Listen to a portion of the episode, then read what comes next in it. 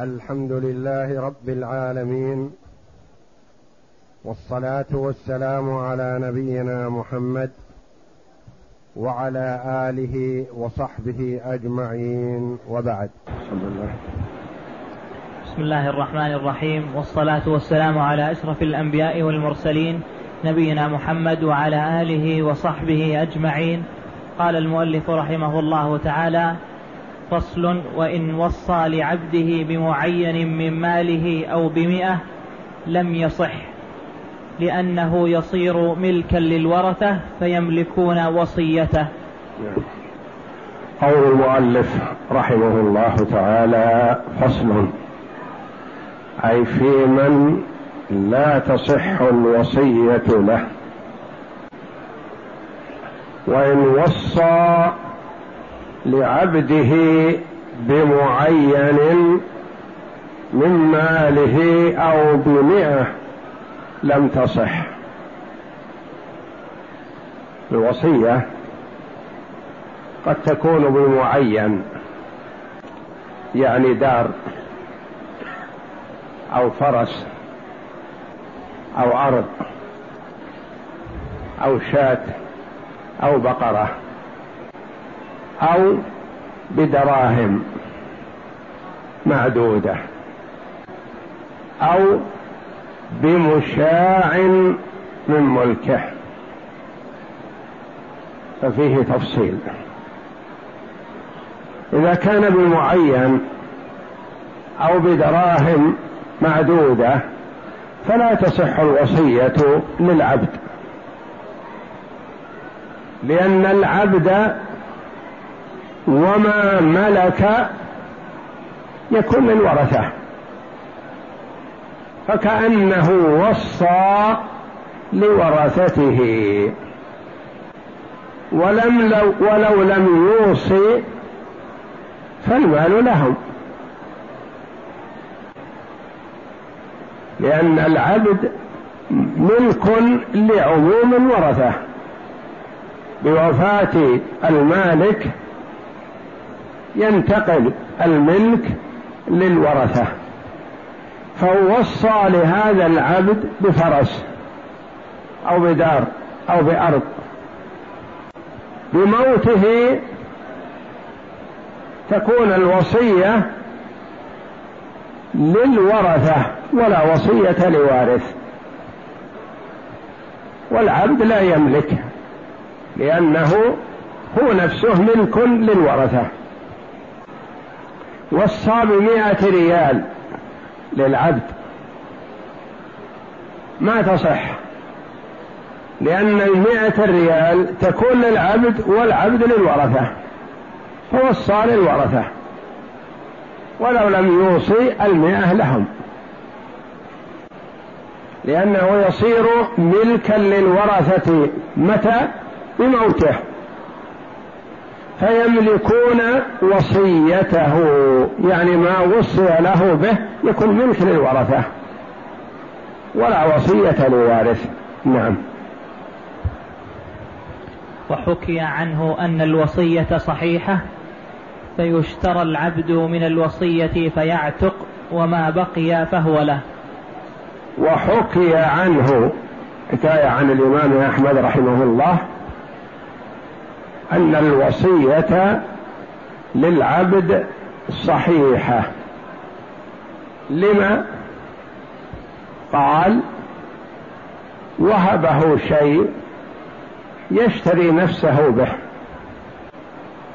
وصى له بأرض. قال هذه الأرض ملك لهذا العبد وصية للعبد بعد وفاتي يقول الأرض أصبحت له. فتباع الأرض ويشترى بها نفسه. يشتري هو نفسه بهذه الأرض فيكون حر. فإن بقي من قيمة الأرض شيء أخذه بحريته. وإن نقصت قيمة الأرض عن قيمته عتق بعضه وبقي بعضه رقيق وأصبح مبعض. يملك ببعضه الحر. فمثلا وصى لعبده بهذه الأرض. الأرض بعد وفاة المورث عرضت للبيع. كم تساوي؟ قالوا ألف. قلنا كم قيمة العبد هذا؟ قالوا ثمانين. قلنا يشتري نفسه بثمانين من قيمة الأرض ويبقى معه عشرون له ملكه فيعتق ويأخذ العشرين. قالوا قيمة الأرض ألف. والعبد يساوي ألف وخمسمائة. قلنا قيمة الأرض له يشتري بها جزءا من نفسه. يشتري بها الثلثين. ويبقى الثلث رقيق. هذا على الرواية الحكاية الثانية وحكي عنه أن الوصية صحيحة فيشترى العبد من الوصية من قيمة ما وصى به. فيعتق وما بقي من قيمة الوصية فهو له. نعم. وإن وصى له بنفسه صح وعتق. وإن وصى له بنفسه يعني قال بعد وفاة العبد ملك لنفسه أهبه لنفسه. نقول صح. ويعتق لأن المرء إذا ملك نفسه عتق. ما يكون رقيق لنفسه. وعتق. إذا وصى له بنفسه صح وعتق العبد أصبح حر. لأنه ملك نفسه. نعم. وإن وصى له بمشاع كثلث, كثلث ماله صح وتعينت الوصية فيه لأنه ثلث المال أو من ثلثه وما فضل من الثلث بعد عتقه فهو له. وإن وصى له بمشاع فرق بين هذه والمسألة الأولى. المسألة الأولى وصى له بمعين. أو وصى له بدراهم. اللي قالوا ما صحت الوصية وحكي صحتها. هذه صحيحة. لأن وصى له بمشاع يعني وصى له بالربع بالثلث بالثمن بالخمس مثلا. أليس هو الرقيق شيء من المال؟ من المال. فمعناه أنه ملك شيئا من نفسه. فعتق ما ملك. وبقي له بقية الوصية يشترى بها الباقي من نفسه فيعتق. كله. وإن بقي زيادة على عتقه أخذه. إيضاح هذا بالمثال. قال ثلث مالي لعبدي فلان. عبدي فلان أحسن بمدة حياتي وعجزي وكبري وبر بي مثل ما يبر بي أولادي. أوصي له بثلث مالي. بثلث مالي. العبد جزء من المال. فثلثه نفسه أصبح ملكا لنفسه. ثم ننظر. ثلث المال ماذا يساوي بالنسبة لقيمة العبد؟ ككل. قالوا ثلث المال عشرة آلاف. قومنا كل ما خلف وجدناه بعشرة آلاف. يعني الثلث عشرة آلاف ثلاثين ألف. يقول كم قيمة العبد؟ قالوا يساوي خمسة. خمسة آلاف. فنقول يعتق هو بالخمسة ويأخذ الخمسة الأخرى نقدا. فعتق بجزء من الثلث الموصى به وما زاد من الثلث أخذه نقدا. فعتق وأخذ خمسة آلاف. بخلاف ما إذا قال مثلا هذه الدار وهي تساوي الثلث قال ملك لعبدي وصية. على القول الأول نقول ما تنفذ. لأن العبد وما ملكه يصبح ملكا للورثة. ما عتق منه شيء. لكن إذا وصى له بثلث ماله والعبد جزء من ماله فهو عتق ثلثه قطعا. ثم ينظر بالثلثين الباقيين فيما يستحقه من الأموال الأخرى. فيعتق وما زاد من قيمة الثلث عن قيمة العبد فإنه يأخذه نقدا. هذا المشاع المشاع من الثلث أو الربع أو الخمس يشمل كل شيء. إذا قال ثلث مالي لفلان حرا أو عبد مثلا فيشمل ثلث المال حتى الحذاء والمشلح الذي يلبسه والثوب. وأمتعته الخاصة للموصى له ثلثها. ومن ضمن ذلك هو نفسه. العبد الذي هو رقيق وصي له بثلثه.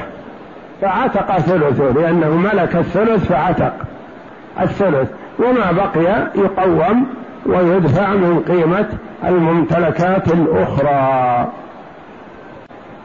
وإن وصى لمكاتبه صح لأنه يملك المال بالعقود فصحت الوصية له كالحر.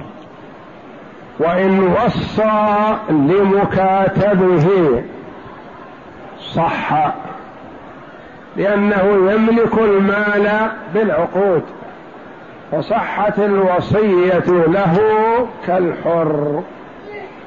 نعرف الفرق بين المكاتب وبين العبد. العبد المملوك مملوك كله رقيق لسيده. المكاتب هو الذي اشترى نفسه. بدراهم يسددها اقساطا. هذا يسمى مكاتب. إن علمتم فيهم خيرا فكاتبوهم إن علمتم فيهم خيرا وأتوهم من مال الله الذي آتاكم. فالمكاتبة واردة في الشريعة وباب من أبواب التحرير والحرية. للرقيق الذي يجد من نفسه القدرة على الكسب. يعني العبد الرقيق غير كل سيده. يأتي لسيده ويقول يا سيدي افسح لي المجال دعني أكتسب وأرتزق وأعمل. إذا بقيت في ملكك اتكلت عليك في قوتي ومطعمي وملبسي وكسلت وما عملت شيء. لأن الكسلان ما يريد الحرية. يريد يأكل ويشرب على حساب سيده ولا يعمل شيء. ومن يجد من نفسه القدرة على الكسب والعمل يحرص على أن يشتري نفسه. فيقول السيد لا بأس اشتر نفسك. فيقول أشتري نفسي مثلا بعشرة آلاف. أسدد في كل سنة ألف. يعني التقويم بالقيمة هذه وإن كانت قليلة أو كثيرة لا اعتبار لها وإنما توضيح الصورة. أو قال أشتري نفسي بمئة ألف. كل سنة أسدد عشرة آلاف. عشر سنين. قل أو كثر. يقول السيد لا بأس. يكتبون بينهم مكاتبة لأن فلان كاتب رقيقة على مبلغ كذا من المال بحيث أنه يسدد في كل شهر كذا أو في كل سنة كذا أو في كل ستة أشهر كذا حسب ما يتفقون عليه. فإذا سدد هذه الأقساط كلها أصبح حر. وما دام لم يسدد فهو قن ما بقي عليه درهم. ولهذا الرقيق إذا كسل لو كاتب سيده يستطيع يعجز نفسه. يعجز نفسه ما يسدد الأقساط فيبقى رقيق ويبقى تحت كفالة سيده ينفق عليه. هذا يسمى المكاتب يعني جرت مكاتبة بينه وبين سيده على أنه حر إذا سدد كذا. وهذا جار بين الصحابة رضي الله عنهم. كانوا يكاتبون الرقيق على أنه يأتي كل يوم بكذا أو كل شهر بكذا أو كل سنة بكذا فإذا سدد القيمة أصبح حر. وإن وصى لمكاتبه صحت الوصية. لأن المكاتب مسموح له بالبيع والشراء والأخذ والعطاء لأجل أن يكتسب ويسدد لسيده.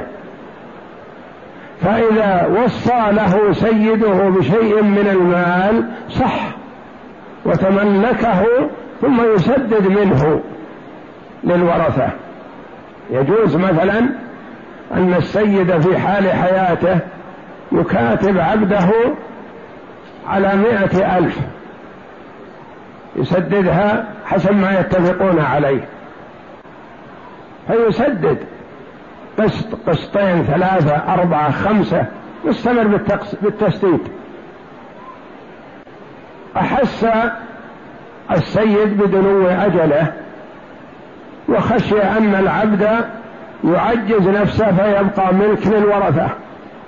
ثم الورثة قد يبيعونه. أو يتعبونه يخدم عشرات الأشخاص وهو يحب أن يرفق به لأنه صاحبه مدة طويلة فأحب أن يرفق به ويحسن إليه.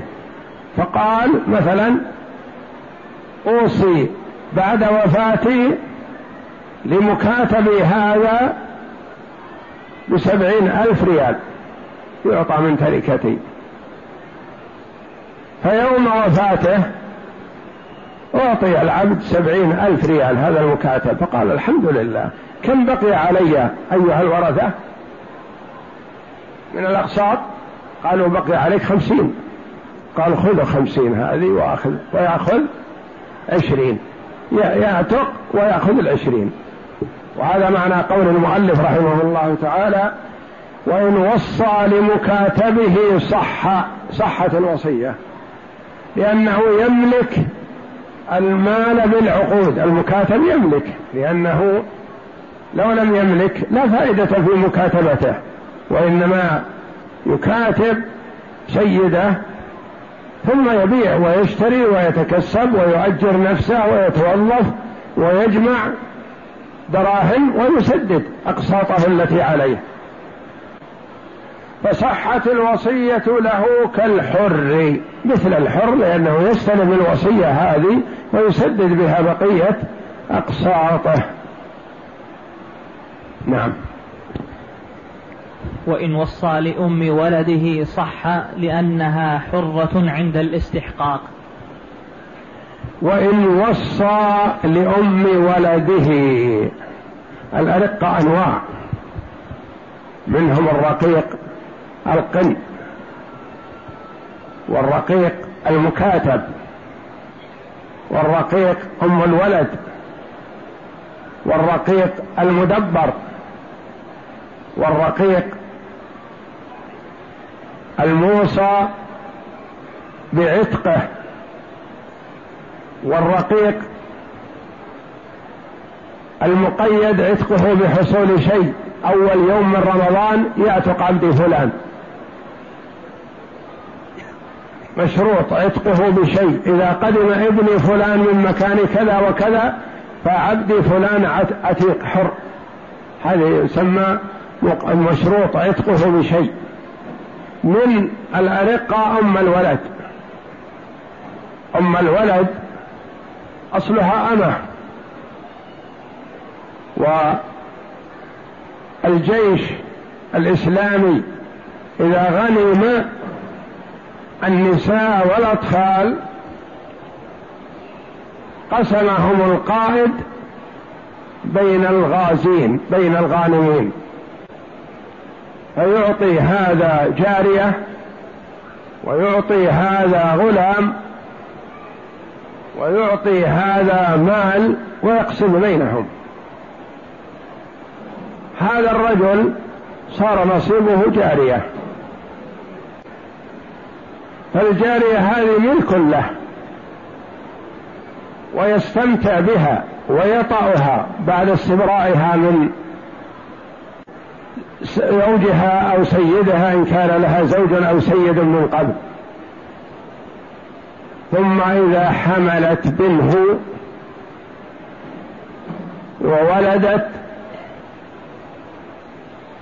ولو ميت سميت أم ولد. أم الولد تختلف عن الرقيقات. يعني صار لهذا الرجل السيد له رقيقتان. مكسبه من هذه الغنيمة اعطي فتاتين. استمتع بهذه واستمتع بهذه. والإماء لا حد لهن ولا حصر. يجوز أن يكون عنده عشر من الإماء. إذا قوى الله جل وعلا المسلمين على الكفار وأقام علم الجهاد وقاتل المسلمون الكفار لإلزامهم في الدخول في الدين الإسلامي وانتصروا عليهم ورفضوا الإسلام ومع الانتصار عليهم يكونون ارقاء الإماء. فيكون عند الرجل أمتين أو ثلاث أو خمس أو عشر. هذا الرجل عنده أمتان. يستمتع بهما ولا قسم لهما. يستمتع بهما بدون قسمة. لا يقاسمن الزوجات. والزوجات محدودات بأربع والإماء لا حصر لهن. هذه وحدة حملت من سيدها. الأخرى ما حملت. مات السيد. التي حملت تورث؟ لا. تباع؟ لا.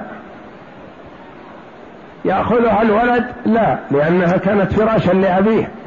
ما يجوز أن يمسها وهي فراش لأبيه. وإنما تعتق لأن اعتقها ولدها. الأخرى ما حملت منه. تكون ملك للورثة. يبيعونها يتصرفون فيها إلا أنه لا يجوز الاستمتاع بها من قبل أحد أولاده لأن ما استمتع بها الأب فلا تصلح للابن. وإنما ممكن يهبونها لعمهم أو لخالهم أو يتصرفون فيها لأنها ملك. أما تلك التي أنجبت ولد ولو أنه ميت تسمى أم ولد فتعتق بموت سيدها. قال أعتقها ولدها. وصى لأم ولده صحة الوصية. لأنها متى يكون النظر في الوصية؟ بعد وفاة الموصي. بعد وفاة الموصي أهي رقيقة؟ هذه لا أصبحت حرة. فتصح الوصية لأم الولد. وجاء أن عمر بن الخطاب رضي الله عنه وصى لأمهات أولاده بأربعة آلاف. كان عنده أمهات أولاد غير الزوجات. الزوجة ما يتجاوز المسلم فيهن أربع. أمهات الأولاد يكون عنده قل أو كثر. وأم الولد ليست كالزوجة وليست كالأمة. وإنما هي بين بين. تعتق فليست كالأمة. ولا ترث فليست كالزوجة. فعمر رضي الله عنه عنده أمهات أولاد من الفتوحات الإسلامية. فوصى لهن بأربعة آلاف. وإن وصى لأم ولده صح لأنها حرة عند الاستحقاق. لو وصى لها بمعين أو بمشاع كله صحيح. نعم. وإن وصى لمدبره صح لأنه إما أن يعتق كله أو بعضه فيملك, فيملك بجزئه الحر. وإن وصى لمدبره المدبر هو الذي يقول يعتق عن دبري يعني بعد وفاتي يعتق. هذا مدبر من أنواع الرقيق المدبر وأم الولد والمكاتب والمبعض ونحو ذلك. أوصى لمدبره صح لما؟ لأنه عند موته يكون عتيق. قالوا قد لا يعتق كله. نعم لا يعتق كله لا بأس. ما عتق منه ملك به هذه الوصية. لأن المدبر قد يعتق كله وقد يعتق بعضه. متى يعتق كله؟ إذا خرج من الثلث. إذا خرج من الثلث عتق كله. وإذا كان دو أكثر من الثلث فإنه يعتق جزء منه لا كله. إيضاح هذا بالمثال. قال مثلا هذا الرقيق يعتق عن دبري. ثم بعد قوله هذا بشهر أو شهرين أو سنة أو سنتين أوصى لهذا المدبر بألف ريال. مات الرجل. نظرنا هل هذا المدبر يعتق الآن كله أو بعضه؟ جاءوا يستفتونك. فماذا أنت قائل؟ تقول انظروا المال. وانظروا قيمة العبد هذا. قالوا المورث خلف ستة آلاف. كل ماله ستة آلاف. مع قيمة العبد هذا المدبر. نقول إذن كم قيمة العبد؟ قالوا قيمة ألف. إذا يعتق. لأنه دون من الثلث يعتق. قالوا المدبر هذا قيمته أربعة آلاف. والتركة كلها بما في ذلك قيمة المدبر ستة آلاف. عرفنا أن قيمة العبد هذا مقدرة في الثلثين. نقول تعالوا الورثة تأذنون بعتق هذا المدبر الذي قيمته أربعة آلاف ويكفيكم ما خلف لكم مورثكم ألف ريال أو خلف ألفي ريال فيقول رضينا فيعتق. يقول إلا ما نرضى. يعتق أربعة آلاف ولا يبقى لنا إلا ألفين ما يصلح. نقول إذن يعتق بمقدار الثلث. يعتق بمقدار الثلث. وقيمة الثلث ألف ريال. والعبد قيمة أربعة فيكون نصفه حر ونصفه رقيق. يشتري نفسه أو يشتريه غيره.